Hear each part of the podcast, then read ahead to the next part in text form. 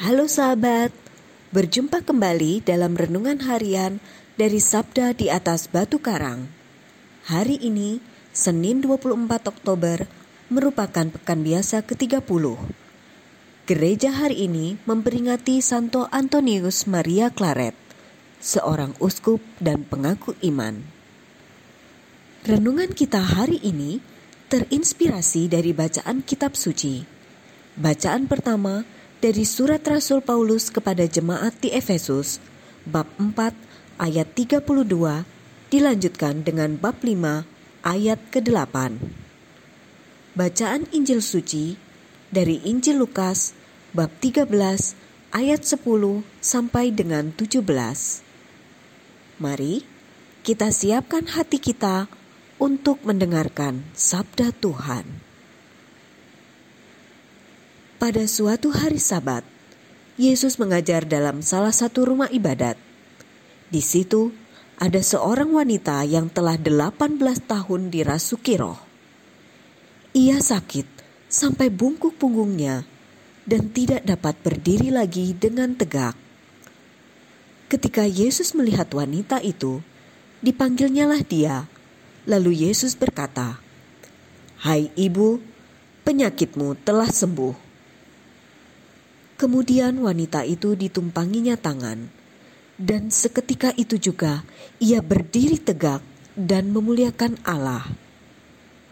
Tetapi kepala rumah ibadat gusar karena Yesus menyembuhkan orang pada hari Sabat. Lalu ia berkata kepada orang banyak, "Ada enam hari untuk bekerja. Karena itu, datanglah pada salah satu hari itu untuk disembuhkan." Dan jangan pada hari Sabat. Tetapi Tuhan menjawab dia, katanya, "Hai orang-orang munafik, bukankah kalian semua melepaskan lembu dan keledaimu pada hari Sabat dan membawanya ke tempat minum?" Nah, wanita ini sudah 18 tahun diikat oleh iblis. Bukankah dia harus dilepaskan dari ikatannya itu karena ia keturunan Abraham? Waktu Yesus berbicara demikian, semua lawannya merasa malu. Sedangkan orang banyak bersuka cita karena segala perkara mulia yang telah dilakukannya. Demikianlah sabda Tuhan. Terpujilah Kristus.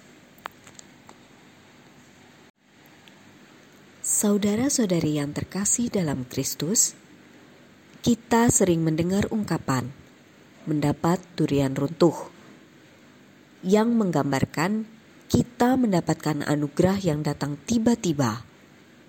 Padahal kita tidak pernah berharap. Sementara kita yang sangat berharap-harap atau berdoa banyak, tetapi justru seperti terkena sindrom PHP alias menjadi penerima harapan palsu. Dalam bacaan Injil pada hari ini, dikisahkan Yesus yang memberi kesembuhan bagi seorang wanita yang menderita sakit bungkuk selama 18 tahun.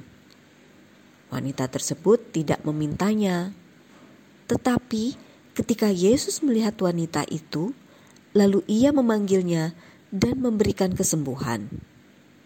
Yesus menunjukkan belas kasihnya sendiri sebelum wanita itu memintanya. Saudara-saudari yang terkasih, kita sering berdoa dan berharap banyak kepada Tuhan untuk berbagai kepentingan kita. Namun, doa dan harapan kita ini seperti diabaikan oleh Tuhan. Sabda Tuhan hari ini bukan hendak mematahkan semangat kita dalam berdoa atau berharap kepada Tuhan. Sabda Tuhan hari ini justru hendak mengajak kita untuk beriman seperti wanita tersebut, yaitu meski dalam penderitaannya ia tetap setia datang kepada Yesus. Untuk apa?